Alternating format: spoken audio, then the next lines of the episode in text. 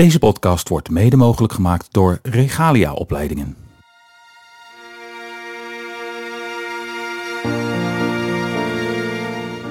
En wat wij dus doen is licht balsemen.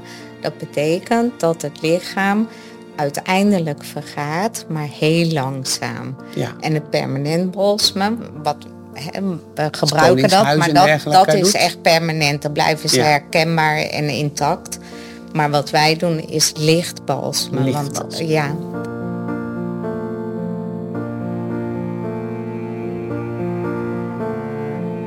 Vandaag ga ik in gesprek met Hans en Paulien van HQ Thanatopraxie.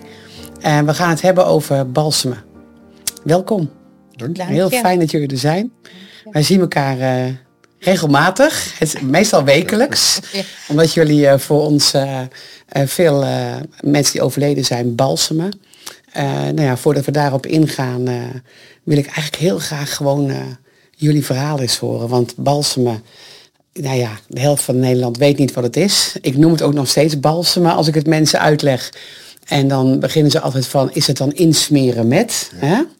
Ehm, dus vertel eens wat het is, maar vertel ook eens hoe jullie hier ingerold zijn. Oeh, dat is een heel verhaal. Ja, dat mag, daar zijn Ik, we hier voor.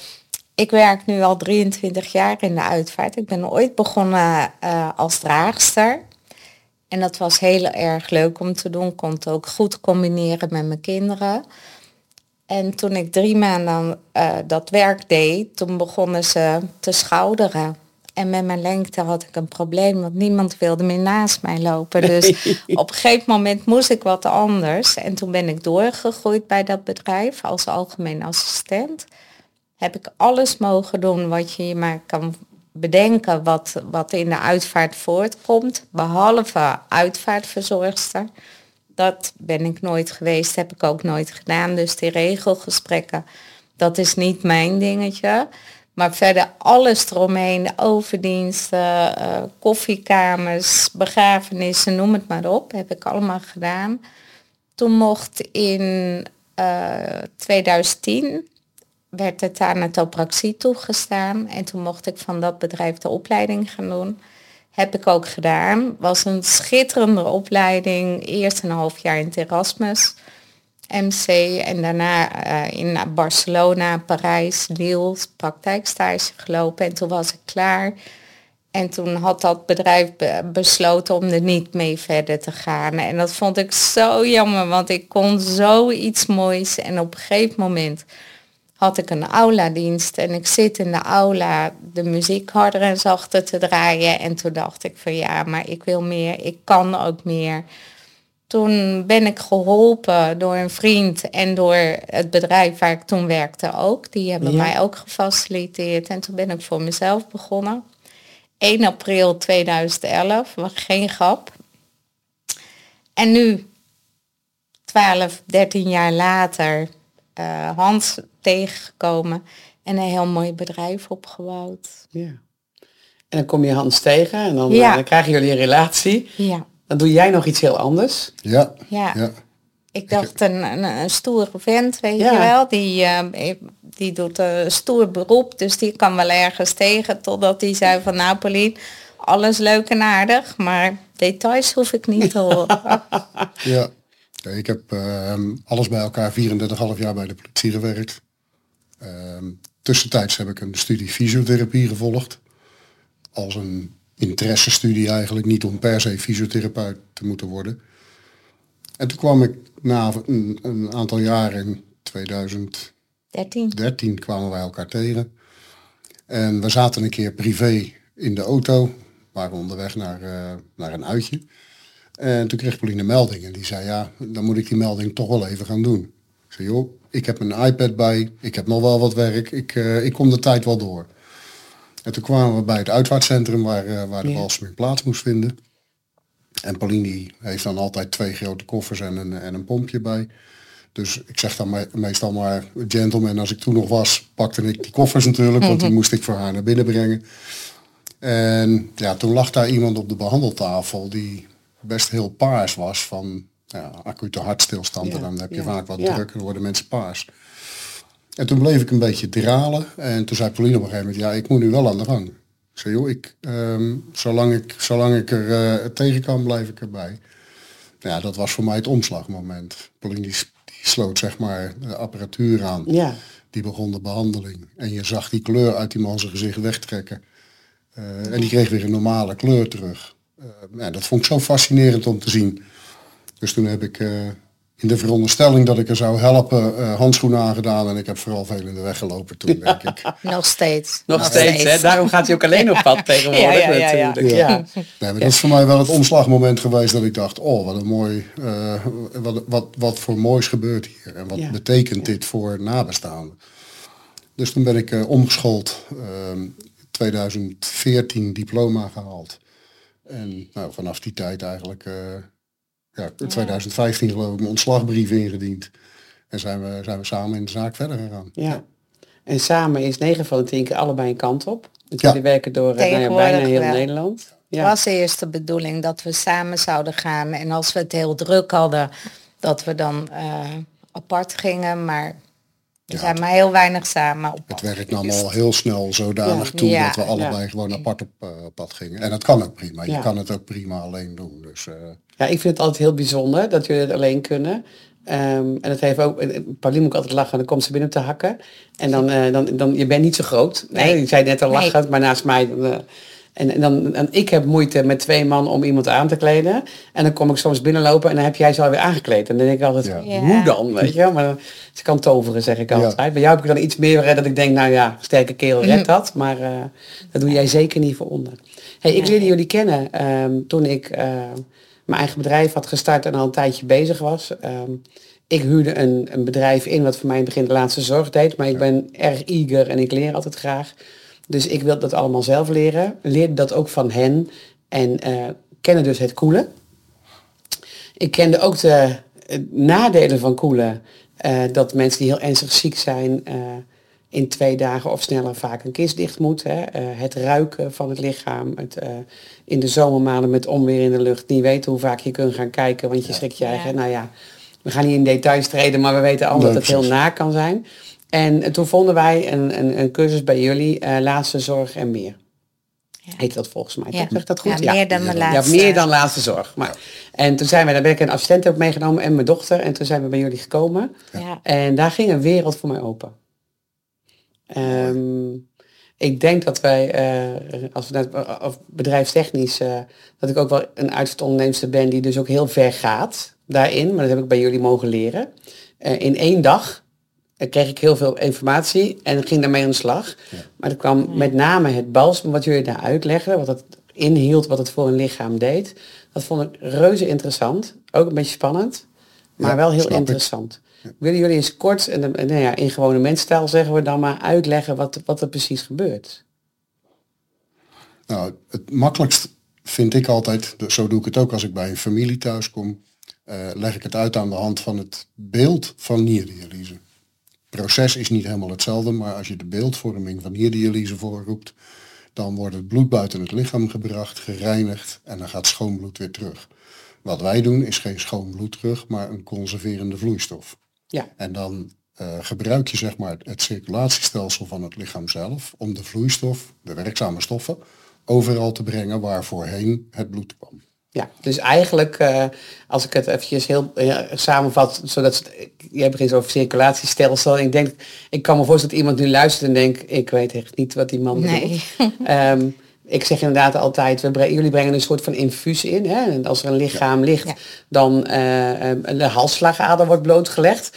Ingenieus iets heb ik dat gezien, want er komt Ja. een klein sneetje er rond de hals. Hè? En, en dan eh, gaan jullie met een of ander haakje naar binnen. De mensen die nu denken, ik kan echt niet tegen bloed gaan afhaken, maar goed. Ja. Maar dan, dan komt de ader te- tevoorschijn. En het bijzondere is, er zit dus geen bloed meer in die ader, hè, waar, jij hem Nee. open, waar jullie hem openmaken. Omdat eh, de, nou ja, als het hart stopt met pompen, dan gaan de grote aderen, alles gaat terug richting de pomp. De slagaderen Ja, die- die zichzelf ja. door hun elasticiteit min of meer leeg. Oh, die duwen zich leeg. En de Ja, aderen die verwijden ja. en die nemen zeg maar de hoeveelheid bloed aan. En, en daar zie je dus de, de blauwe nagels, de, Ja. de, de vlekken, het wat je zegt, iemand in een hartstelsel overlijdt die heel paars kan worden, hè, op een bepaalde manier eh, verkleuren. Wat je natuurlijk ook niet wegkrijgt eh, met een beetje make-up of, of wat dan ook. Ehm, nou, vervolgens kijken jullie dus, dat vind ik helemaal knap, wat voor soort lichaam, en wat moet erin, welke kleur, noem maar op. En dan wordt iets samengesteld. En dat gaan jullie inbrengen, het wordt ingepompt. Ja. En dan komt er een gaatje onder de navel. Boven, Boven de, de navel, sorry, boven, ik zit, af, Ja. ik zit hier te voelen. Boven de navel. En van daaruit, en zeiden jullie gaan met een holle naald. Ik weet nog dat jullie goed zeiden, een holle naald. eh, Ja. Dat gingen afzuigen. Ja. En uiteindelijk ook de organen aanprikken om eigenlijk wat er ontbindt aan vocht allemaal uit te halen. Hè? Wat als eerste. Ja. Ja, de Ja. blaas, de maag, en dus de organen waar vocht in zit, Ja. dat proberen we Ja, longen ook. Hè? weg te Ja. halen. Dus dan is het, bloed wordt van- vervangen en die vloeistof die biologisch afbreekbaar is. Hè, want hij mag toegestaan. Hij is toegestaan op natuurbegraafplaatsen en dergelijke. Die vult dan het lichaam op. Nou, ik heb dat volgens mij twee weken na die cursus voor het eerst gezien. Eh, waarbij ik nog steeds eh, van het woord holle naald een beetje een ander beeld had. Want het is best wel, nou ja, het is een, een, een, een naald van een pink dikte. Je moet natuurlijk af kunnen Het is zuigen. geen hè. Het is een. Ja, eh, ja. ja, ja. Ehm, maar ik heb ook echt met eigen ogen gezien wat er met een lichaam gebeurt. En zie dat nog wekelijks. En ik vind het nog steeds heel bijzonder. En eh, wat ik vooral zie is dat iemand niet alleen een- de kleur terugkrijgt. Hè, som- maar dat jullie daar ons ook geleerd hebben om dan eventueel als ze wit zijn te airbrushen of wat dan ook. Maar Ja. als je het hebt over mensen een beetje het lichaam teruggeven. Hè, dus dus, dus Ja. ja. de dood neemt echt alles af, zeg ik altijd. Maar je- geeft mensen voor eventjes Ja. extra terug. Je Dat geeft- vind ik het effect van de balsem. Ja. hè. Als je, Ja. waar, waar we het net over hebben is een stukje techniek. Ja. Hè? Hoe, hoe voer je Ja. de balseming uit? Ehm, en als je kijkt naar wat is het effect van de balseming, dan verdwijnen de meeste postmortale verkleuringen. Hè, dus alles wat na het overlijden optreedt, de blauwe oren, blauwe Ja. lippen, blauwe Ja. nagels, die Ja. verdwijnen zo goed als helemaal.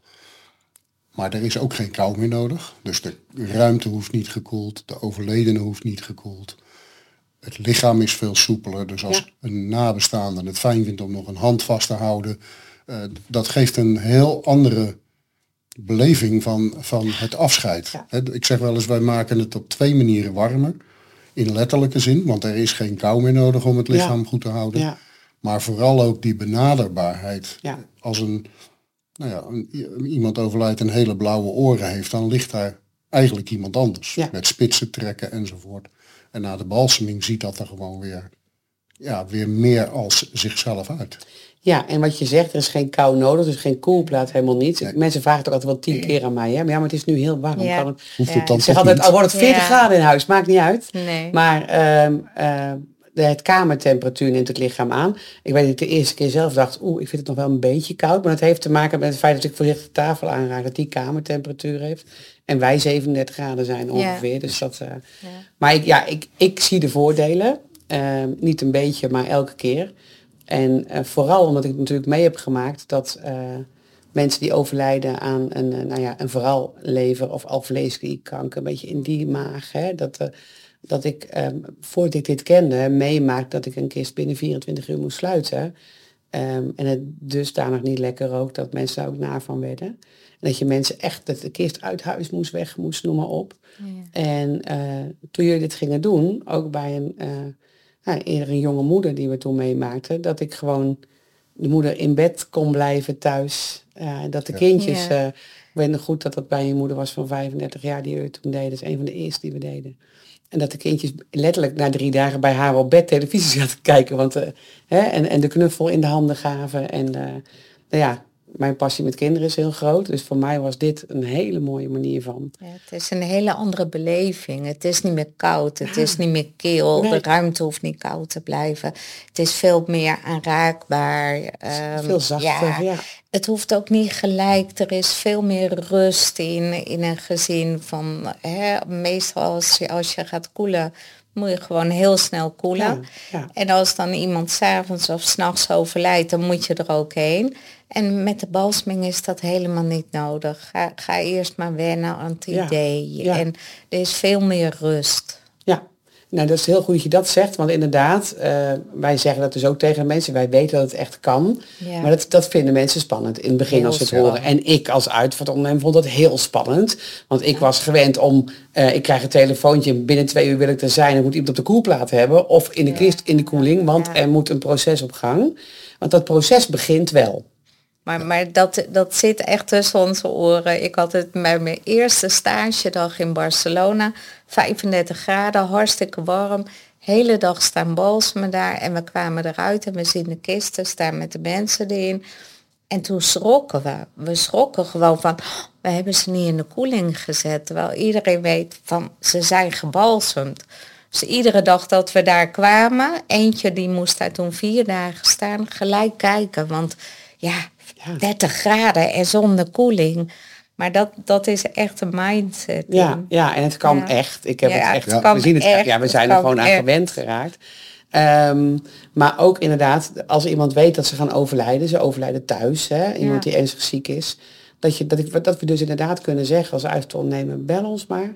Als je het fijn vindt, komen we helpen om het lichaam de eerste zorg te geven. Hè, Ja. Dus even de mond sluiten, wat schoon te maken, wat ze willen. Ja. Maar als, het, als je dat zelf wil doen of de thuiszorg is goed, haal even het dekbed eruit, dat niet heel het lichaam Ja. heel warm blijft.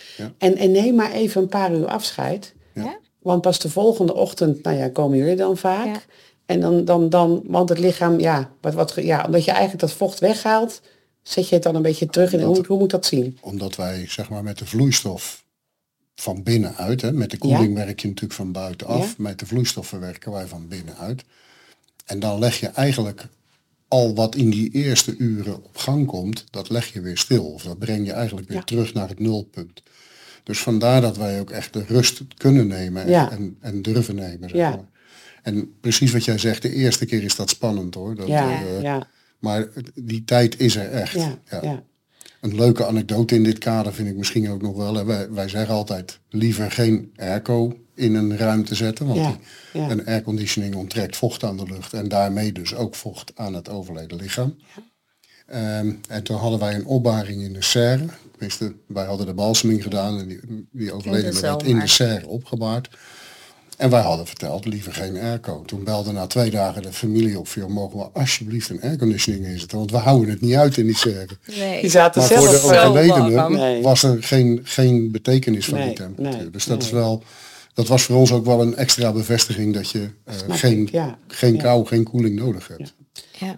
hey, en dan ehm, is het natuurlijk een tijdje terug in het nieuws geweest. eh, dat kwam bij Dela vandaan, eh, heel groot in het nieuws.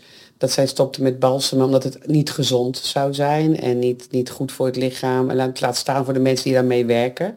Ja. Eh, ik weet dat jullie, dat, eh, dat jullie daar anders in staan. Maar het is misschien ook wel goed om even te benoemen. Want we zeiden net al, het is een biologisch afbreekbare vloeistof. Eh, jullie doen het ook thuis. Ja. Hè, laatst hadden we een mevrouw die zei, oh maar het is in het nieuws geweest, het kan niet thuis. ja. Het kan wel. Het kan wel thuis, maar dat is gewoon de keuze van de balsmer. De een doet het wel, de ander doet het niet. Wij hebben ervoor gekozen om, om ook thuis te balsmen. Ja, En dat heb ik eigenlijk al vanaf het begin af aan gedaan. In de, de, de, ja, het, het slechte van de vloeistof, dat is toen ook heel erg uitgemeten. Maar ook ik wil graag heel oud worden met kleinkinderen. Dus ik Ja. Echt niet mijn gezondheid op het spel zetten om iemand een mooie opbaring te geven. Wij zijn echt wel verantwoord bezig. En wij balsemen in zo'n lage concentratie dat ik denk dat er meer formaldehyde, het bestanddeel wat je nodig hebt om te conserveren, dat er meer in de vloeibedekking zit of, of in, de, in de kasten bij de mensen, als dat wij in onze vloeistoffen hebben.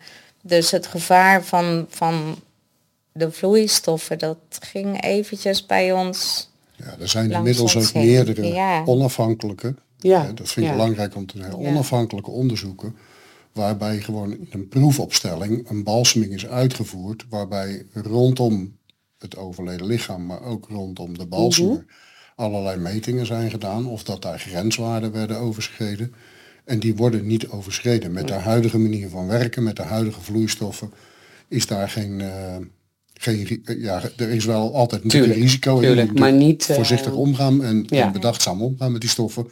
Maar bij een balseming komen geen, eh, gren- worden geen grenswaarden overschreden. Dat heeft Dela trouwens ook teruggenomen. Hè? Oh, dat, eh, ze Ja. hebben dat toen ook weer in het nieuws gezet. Dat ze onderzoek hadden gedaan dat er geen grenswaarden werden overschreden. En dat is natuurlijk belangrijk, want ja, je weet hoe het werkt. Tenminste, ik weet hoe het werkt. Ik vang ook veel, wel eens wat in het nieuws op, maar ik spit geen kranten uit. Ik heb wel andere dingen te doen. Ja. Dus je hoort vaak hetgene wat, wat het in negatief brengt, hoor je wel en het positieve niet. Klopt. Jullie gaan mee, jullie doen het thuis, dat zeg je al. Ehm, ik heb altijd enorme bewondering voor het feit hoe jullie het doen. Dat is ook de reden waarom we vaak voor jullie kiezen. En dat heeft te maken met de rust die jullie meenemen als je binnenkomt. Dat is een compliment natuurlijk gelijk. Dank je. Maar we horen het ook terug. Hè? We zeggen het ook vaak tegen jullie. Dat er, ehm, ik weet dat jullie druk zijn. Dat jullie elke dag, je zei net, hè, we hadden het er straks al even over. Ja. Zeven dagen in de week zijn jullie vaak ook gewoon op je benen en, en en ben je los van elkaar aan het werk. Ja. Ehm, en toch komen jullie binnen en krijg je eerst een verhaal te horen van mensen. Klopt. Hoe druk wij Ja. ook zijn, dat mag voor een familie nooit van betekenis zijn. Die moeten daar niks van meekrijgen. Nee. Dat vinden we heel belangrijk, allebei. En dat hebben we echt als een, eh, als een basiswaarde. Ook al heb je dan soms van binnen dat je denkt, oeh, dit wordt krap. Ja. Ja. Daar moet een familie niks van meekrijgen. Die maken twee keer in hun leven, drie keer in hun leven een overlijden mee. Juist. Dat wil je niet verstoord hebben, omdat degene die komt dan toevallig haast heeft. Ja. Kijk. Ja. Ja, die menselijke kant. Nou ja, daarom klikken wij denk ik ook. Ja. Dat zal het zijn. Nou, wij vinden het ook heel belangrijk dat ehm, om als we voor mensen een balseming doen, ook eerst verbinding te maken. Hè, niet alleen maar binnenkomen om een handeling, een technische handeling uit te voeren, maar om verbinding te maken. Ik vind het ook heel prettig om te weten wat iemand voor werk heeft gedaan, ehm, eh, wat Ja. zijn ziekbed is geweest, ehm, hoe de laatste fase is verlopen. Gewoon om te snappen wat heeft iemand doorgemaakt en wat maakt de familie mee. Ja. Hè, dus Ja. die, Ja. ja, daar nemen we ook echt even de tijd voor. Even een kopje koffie eh, en even dat gesprek hebben. Ja. Ja. Even weten wie je gaat behandelen. wie, Ja. ja. En dat geeft de Ik, eh, familie, en dat is zo leuk om te horen, want er komen altijd zulke leuke herinneringen boven van de mensen. Dat je soms, nou we hebben wel eens, toen deden we hem samen, die balseming. En dat was iemand, dat was een, een die was brouwer geweest, bierbrouwer. En die had ook best wel een leeftijd. En we zaten bij zijn weduwe. En pas na, en toen was er een uur. En toen zeiden we, ja, we moeten nou toch echt wat gaan doen, anders wordt het echt nachtwerk, weet je wel. Maar dat was zo mooi om te horen. Dat Ja, was kon zo mooi geweldig, geweldig. Ja, Dat wij, wij bleven maar luisteren. ja. Ja, was Nou echt ja, en mooi. daarna, het, scheelt natuurlijk ook, want daarna komen de mensen weer kijken. Ze zien een lichaam na het overlijden. Ik zeg altijd tegen mensen, vanmorgen nog tegen een familie, zeg ik, eh, ja, overlijden, overleden zijn, is over het lijden heen zijn. Hè? Ja. Ja. Maar dat zie je natuurlijk als een lichaam net geleden heeft en gestorven is. Dan mogen wij gewoon met de laatste zorg al eh, nou, dat lijden er een beetje afhalen Ja. en iemand een Ja. beetje teruggeven. En jullie gaan daar dan dus nog een stap verder in. eh, hoe mooi dat dan weer ook wordt. Ehm, dus ik kan me voorstellen dat je ja, daarna, als je eerst een binding maakt, dat het Ja. daarna ook heel fijn is voor de mensen om weer eventjes met jullie Ja. nog weer te connecten en afscheid te nemen. Ja, Klopt. Ja. Het is voor de mensen ook fijn om, Ja. hè, als je dan een binding hebt, dan, dan geven ze het ook eh, vertrouwd uit handen. Ja. Dan is van, oh, dat gaat wel goed. En dan, eh, dan zeg je net, deze meneer waar je over had, was op leeftijd. Ja, Maar jullie komen ook op hele andere plekken. Ja. En ja, ook veel ja kinderen. inmiddels ehm, is het een beetje een, een ongewild specialisme geworden. Maar krijgen wij ook heel veel kindjes om te balsemen, klopt. En dat snap ik. We hebben natuurlijk zelf een aantal keren eh, kindjes die al wat ouder waren, eh, eh, mogen ver, het uitvaartvermogen verzorgen, met de ouders Ja. opgetrokken, waar jullie ook bij zijn geweest. En nou ja, wat je zei, het vriendelijke opbaren, het, eh, ja, Ja. of het nou, ja, vooral kinderen, maar ook jonge ouders waar kinderen zijn betrokken. Ik moet in Ja. één keer denken aan het verhaal van de vader die we vorig jaar hebben gebalsemd. eh, jullie hebben Oh. gebalsemd. En die had vier jonge kinderen. In de leeftijd vandaag- van. ja. En dat eh, na een paar. hij stond. eh, nou ja, in, ze hadden een woonkamer, een beetje Ja. een woonkamer, liep iets om naar een keuken, zeg maar. Dus zo'n halve eh, kamer. En daar stond een grote keukentafel. En vader stond net naast de keukentafel in de hoek. eh, daar, daar stond zijn bed al heel lang en daar lag hij ook in. En eh, dat eh, moeder belde en helemaal in paniek en huilen. Was iets heel ergs gebeurd. Dus wij dachten, wat kan het? Toen zei ze, er is een hele beker melk over hem heen gegooid. Ja, En, ja. dat, en toen, ja, we hebben later tegen haar gezegd, wij, wij zijn er naartoe gegaan, we hebben hem omgekleed. Ja. Ja. En dat wij, ik, ik kwam daar binnen en toen moest ik een beetje lachen. En toen zei ik tegen de lieve schat, het is het grootste compliment wat we krijgen kunnen.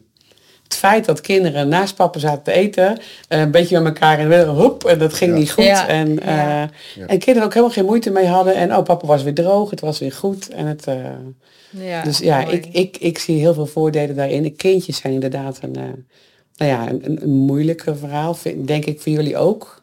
Het, het is wat meer beladen, ja. Het is, vooral in het begin heb ik altijd gehad, als ik een kindje had gebalsemd, had ik altijd een vreemde soort hoofdpijn die ook de hele dag bleef. Daar kon je aspirines tegen slikken, maar dat, dat is gewoon toch wel iets, iets beladen. Snap ik. Dus, en dat heb ik nog wel eens hoor, dat, eh, In dat je principe, dan een hoofdpijn hebt. voor zover zeg maar, het, het werk het toelaat, doen we ze ook Altijd zoveel mogelijk met z'n tweeën. Ja, snap ik. Snap Ja. ik. Gewoon omdat dat emotioneel Ja. ook voor jezelf gewoon een andere lading heeft. Ja. Ja, dus eh, die proberen we zo goed, zo goed als dat kan Ja. eh, samen te doen. Kijk, en nou doen wij, eh, veel jonge mensen sowieso, hè, dat is een beetje naar ons toegekomen. Eh, dus daar zijn jullie ook veel bij betrokken. Ja. En, en naast kinderen in een leeftijd van 8, 9, 10, 14, 15 en, en ouder, hebben we ook te maken met stilgeboren kinderen. Ja. Ja. En eh, wat was ik blij, dat bleek dat ook die kindjes, een aantal daarvan, als ze bijna voldragen zijn, in ieder geval gebalsemd kunnen worden. Ja. Er zitten wel wat haken en ogen Ja, aan. klopt. Nu geven wij een opleiding stilgeboren kinderen. En eh, ik, ik zou heel graag van jou willen horen, zodat we dat ook kunnen laten zien of laten horen aan de, aan de, de, de professionals die erbij betrokken zijn. eh, wat, wat er wel of niet kan. Nou, de- iedereen kan gebalsemd worden en stilgeboren ook, maar je moet even naar de conditie van het kindje kijken. Meestal als ze worden geboren, dan laat het huidje heel erg los. En als dat echt in een, in een ernstige mate is, zou ik niet voor het balsemen Nee. kiezen, want, want je hebt geen toegevoegde waarde dan. En de verwachting. Als de verwachting is bij een kindje van, oh, maar dan kunnen we het knuffelen en nog een keertje in bad doen en dat soort dingen. Dat is als, als het een stilgeboren kindje is, dat, dat kunnen wij niet waarmaken. Omdat het huidje gewoon zo teer is. Ja. We kunnen wel balsemen, maar de verkleuringen gaan niet helemaal weg, omdat het dan al overleden is in de baarmoeder. Ja. Dus de verkleuring zit er gewoon in. We kunnen het wel iets verbeteren, maar niet zoals als het kindje gewoon geboren is en daarna overlijdt. Dan krijg je de verkleuringen altijd heel mooi weg. Maar als het kindje stil geboren is, moet je wel rekening houden dat het iets harder kan gaan. Ja. En dat het niet de verwachting heeft van dat je het nog een keertje in bad kan doen en Het is dergelijke. geen pop, nee, maar? Nee. Het is niet, het is niet als, als het kindje al heeft geleefd en dan de balseming, dan is een, een keertje nog in bad. Dat, dat is een optie. Ja. Niet te lang, niet te warm, maar dat kan nog. Ja. Ja, verkleden kan nog, maar een stilgeboren kindje waar het huidje al heel erg los heeft gelaten, dat krijgt ook een soort vochtpakje aan, Mm. Ja. want het blijft wel drainen. Dus het is een beetje van wat is de verwachting en, en, wat kunnen we extra Juist, doen, en wat kunnen we doen? Het is altijd goed communiceren met de uitvaartverzorger.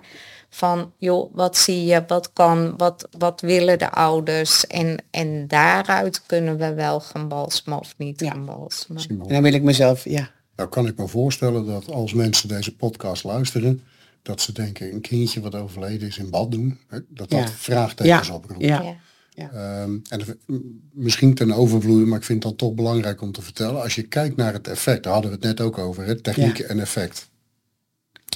Als een kindje ehm, eh, he- heel jong eh, gestorven is of heel kort geleefd heeft of stilgeboren is, dan is er bijna voor de, voor de ouders bijna geen binding met het kindje geweest. Omdat er vaak gedokterd is, hè, er is medisch gehandeld. En als je kijkt naar het effect van de balseming, waarom vind ik het mooi om kindjes te kunnen balsemen? Het effect is daar zoveel groter. Ja. Ouders kunnen het nog even naast, naast zich in bed hebben. Juist, juist. Oma kan het nog even vast hebben. Het kan nog even op de knieën liggen, hè, op de benen. ja, Dat maakt zoveel andere eh, mogelijkheden, zeg maar. Waaronder dan ook in een badje doen of wat dan ook. Ja. Als dat ritueel gezien voor de ouders belangrijk Ja. is. Dus het, het maakt heel veel andere dingen mogelijk die anders niet gebeuren. En waar, denk ik, ouders moeilijker afscheid Ja. voor door kunnen nemen. Ik denk dat dit heel goed is. En vooral wat je zegt, als kinderen geboren worden eh, het zij te jong of, of met complicaties. En ze liggen aan al die slangetjes en zo. Ja. Tegen die tijd dat ze gestorven zijn, moeten de slangetjes er nog af en dergelijke. Ja. Is het voor ouders heel fijn om ze inderdaad in bad Precies, te om doen. ze dan gewoon Ja. een beetje Ja, vast te kunnen ja houden. klopt. Hey, eh, ehm, het huidje loslaten. Eh, Deze podcast, we zullen best wel stukjes knippen die we ook echt gebruiken voor de opleiding. Dus daarom wil ik er iets dieper op in. Ja. Ik zeg altijd tegen mensen, het kindje moet minimaal, ik heb voor jou geleerd hè, maar minimaal 35 weken oud zijn. Willen we Ja. überhaupt al denken, Ja. liefst 6, 37. Ehm, omdat het, nou ja, wat we zeggen, de huid aanmaak van een kindje wat jonger is, is er gewoon. Die huid is heel, heel Ja. elastisch, bloed doorlopen. Dat extra laagje, eigenlijk wat wij hebben, zit er dan nog niet op. Nee. nee. Ehm, en vervolgens zeg je iets heel belangrijks. Iets waar ik me heel hard voor maak momenteel, is het huidje wat los kan laten. Ja, absoluut. bijna alle moeders van een vol, redelijk voldragen eh, stilgeboren kindje, krijgen alle ouders, maar vooral de moeders krijgen dat mee. Ga naar huis, ga erover nadenken. Wat wil je? En we maken een afspraak voor over een x aantal dagen. Ja. Of je mag bellen. Hè, van wanneer jij wil bevallen, kom op jouw tijd. En ik snap dat. En aan de ene kant is het natuurlijk ook Ja. heel mooi. Want Ja. dat betekent dat er voor het mentale deel, voor het, het, het, het gebeuren in je hoofd en de rouwverwerking, nagedacht is in ziekenhuizen. Ja. Maar ze vergeten allemaal dat ieder moment, ieder uur, iedere dag dat een kindje langer in die buik zit, die huid natuurlijk Dat steeds het- meer Dat loskomt. het slechter ter wereld Ja, ja. ja. En die verkleuring ook. Ja, hè. het wordt steeds Als donkerder, nog ja. in, in de baarmoeder heeft gezeten, wordt het donker. En dat donkere, dat krijgen wij met de balsming ook niet weg. Nee. Nou is het zo dat als we dat meemaken en, en, en we, dat we er alles aan doen met elkaar. En ik weet nog Ja. dat we het een aantal keer hebben dat we een kindje geairbrushed hebben. Ja, ja, Ehm, eh, ik, ga altijd, ik ga bijna altijd zelf kijken. Eh, nou hadden we laatst, eh, ehm, nou we hebben ook ouders, ik weet zeker dat ik mag zeggen, van de ouders van Rowan bijvoorbeeld. Ehm, het ziekenhuis belde mij en zei, hij heeft een plek. Zei, ja, een stukje miscommunicatie, maar een plek van ongeveer 5 centimeter dacht ze in de nek.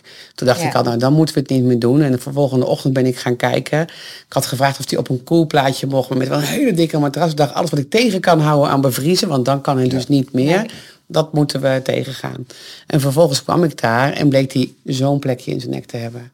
En was het ventje helemaal gaaf, niet verkleurd. Hebben we uiteindelijk wel gebalsemd. Ja, klopt. Ja. En die, die was ook heel mooi geworden. Ja, die was Kleine echt mooi. mannetje. Ja, zijn mandje. Ja, ja. Ja, die, die ging toen ook heel goed. Ja, en die ouders zijn nu nog steeds zo blij. Dat ze zeiden, we hebben een aantal dagen hem vast kunnen houden. Ja, en het is allemaal Ja. anders. eh.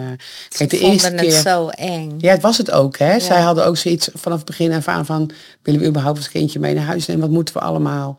En dat ik kwam, hij zei nog van... het feit dat jij tegen mij zei gefeliciteerd... en hij lijkt op je... daar was iets omgegaan naar hem. Hij zei, toen ging hij het bekijken. En toen, ja, voor hen ging het steeds meer ook zo worden. Maar ook opa en oma die zeggen van... het zo fijn dat we het vast hebben gehouden. Ja, Ja, ja. ja. En ik ja. weet dat we de eerste keer dat we dit deden eh, was Jay. Ik heb ook de moeder van Jay gesproken eh, vorige week. En zij vertelde eh, eigenlijk bijna gelijk dat ze zo blij was met het balsemen. En heel eerlijk erbij zei, ik vond het wel spannend. Want in Ja. het hoofdje zat veel vocht.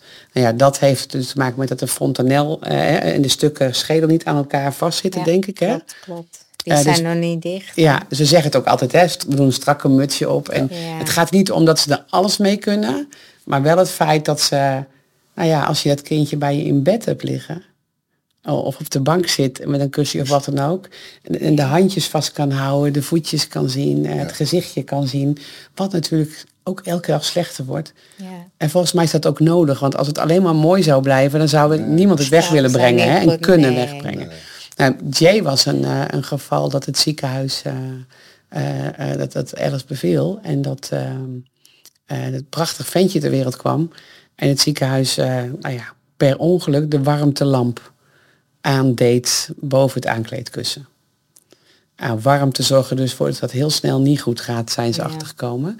En zij schrokken daar zo van, van de kleur van Jay, dat ze eigenlijk besloten om Jay in het ziekenhuis te laten, dat ik het maar een keer moest halen en een mandje dicht en dan zouden ze het wegbrengen. Met al het vlies daar.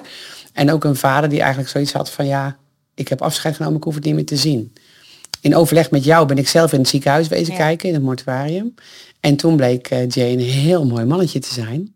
Waar eigenlijk niks aan mankeerde. hè. En, en zijn Nee. kleur ook nog wel meeviel. Ja. We hebben een foto, Ja. zo werken wij dan samen. Ik stuur jou dan een foto. Ja. Jij kijkt, ik verwijder hem, jij verwijdert hem. Maar dan hebben we wel gelijk, kan dit of kan dit niet. beeld.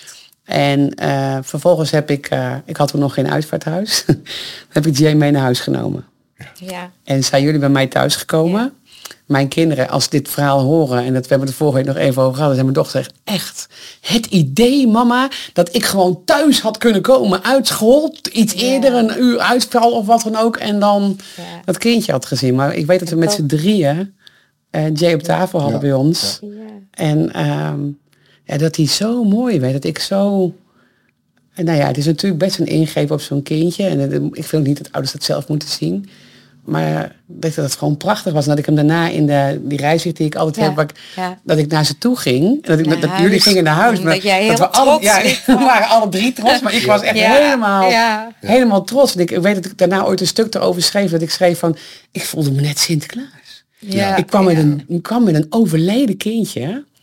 Maar ik kwam aan de deur met iets, ik kwam iets heel moois teruggeven. kostbare. Ja. Ja, ja, en daarvan zegt zij nog steeds inderdaad hoe kostbaar dat is. En eh, ja, waar ik een beetje voor aan het vechten ben, eh, eh, ook door de opleiding te geven aan, aan hopelijk verloskundigen, iedereen, dat we steeds meer bespreekbaar krijgen dat het zo belangrijk is.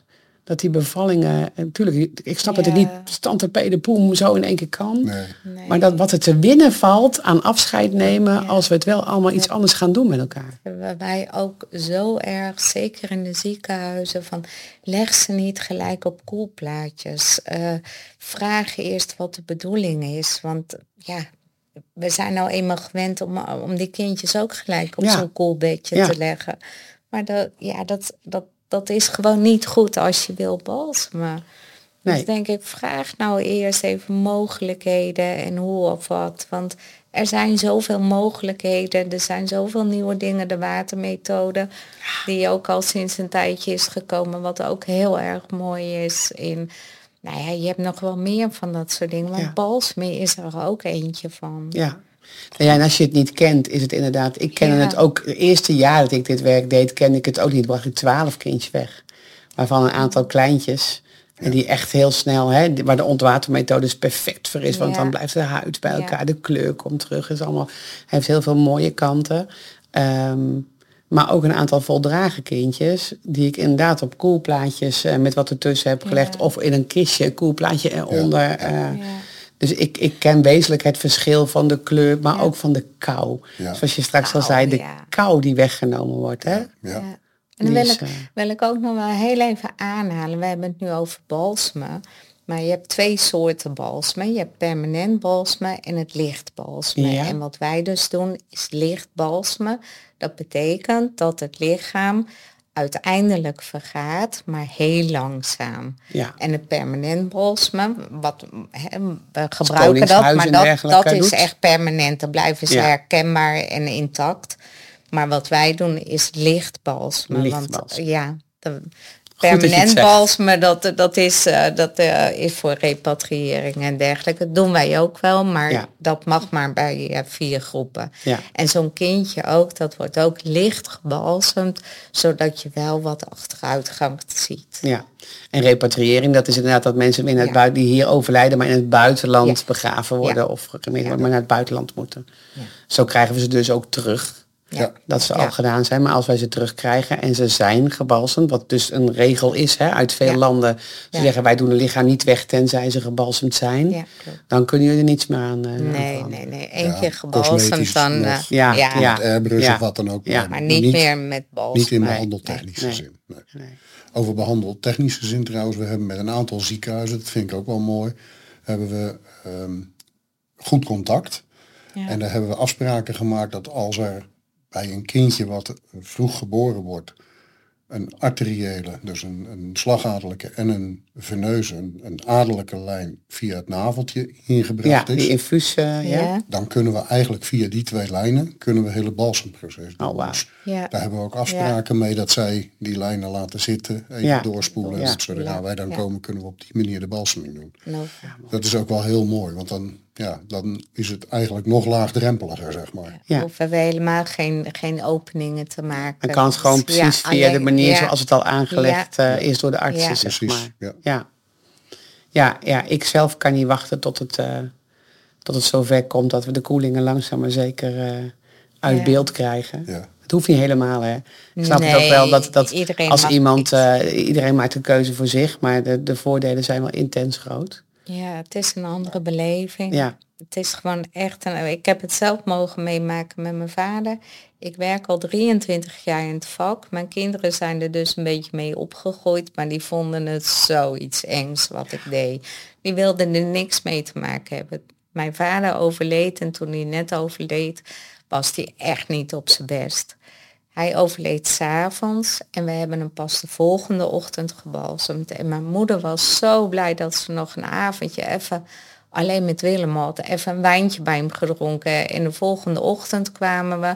En toen zei ze van, oh, ik weet nu ook wat hij aan moet. Dus ze had alles al gedaan. Wij hebben hem gebalsemd. En ik weet nog dat mijn zoon, en dus volwassen kind, die kwam binnen en die zei, jeetje mama, is dit wat jij doet? Het is opa weer.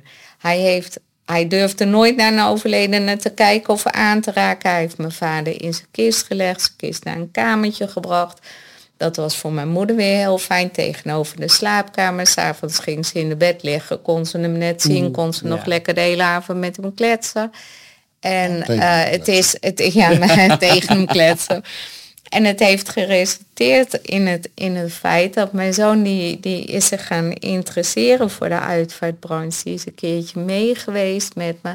En die is nou gewoon manager mortuarium Schiphol. Die, die is ook in de uitvaartbranche gaan werken. Maar gewoon het feit wat hij dat, dat enge, dat koude wat er af was. En mijn vader ging iedere dag een stukje achteruit. Dus op een gegeven moment was het ook goed om hem weg te brengen. Maar het feit dat mijn kinderen de dood niet meer eng vonden op dat moment. Dat is wat, wat het balsem ook doet. Ja, dat vind ik een- zoiets Ja, dat is een, een van de dingen waarom wij dus... Ja, wat we altijd zeggen, ik zeg altijd regeren over rouw en verlies, maar het taboe Ja, moet er vanaf, de angst Ja. moet er vanaf. En dat is ook bij kindjes gewoon het vasthouden. Wij, wij is Stichting Juliette. Of uh, Verlies. Juliette is de moeder van Ja. Verlies. En we hebben Verlies ook mogen balsemen. En die zegt ook tegen ons van ik heb gewoon nog even een weekje met mijn kindje gehad. Ik heb nog even afscheid kunnen Juist. nemen zonder koud en eng. En, en dan denk ik van wow, als je dat toch mag doen bij de mensen. hè. Dat ja, wij, wij zeggen wel eens wij, wij zijn druk. Zeven dagen in de week. Maar we hebben nog geen dag gewerkt. Dus we zijn soms wel eens hele lange dagen en dan zitten we thuis op de bank, wijntje erbij en zeggen jeetje, wat een dag weer, hè? Mooi, hè? Dankbaar, hè? Ja. Dankbaar werk. Ja, Ja. ik zit mee te glimmen met jullie. Ja, ik ja, precies jij, ken jij wat weet jullie zeggen. precies wat ik Ja, ja. Dus, en Ik wil dat jullie is bedanken. zo mooi. Ik wil bedanken voor jullie verhaal. En voor het feit dat we dit nog steeds samen doen. En Ja. dat we nog heel lang zo op mogen trekken met elkaar. Dat hoop ik ook. Dank je. Daar gaan we zeker voor. Dankjewel, Simon.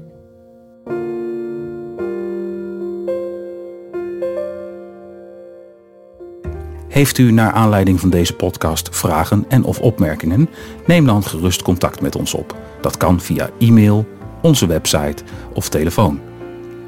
Alle gegevens vindt u in de nadere informatietekst bij deze podcast. thank you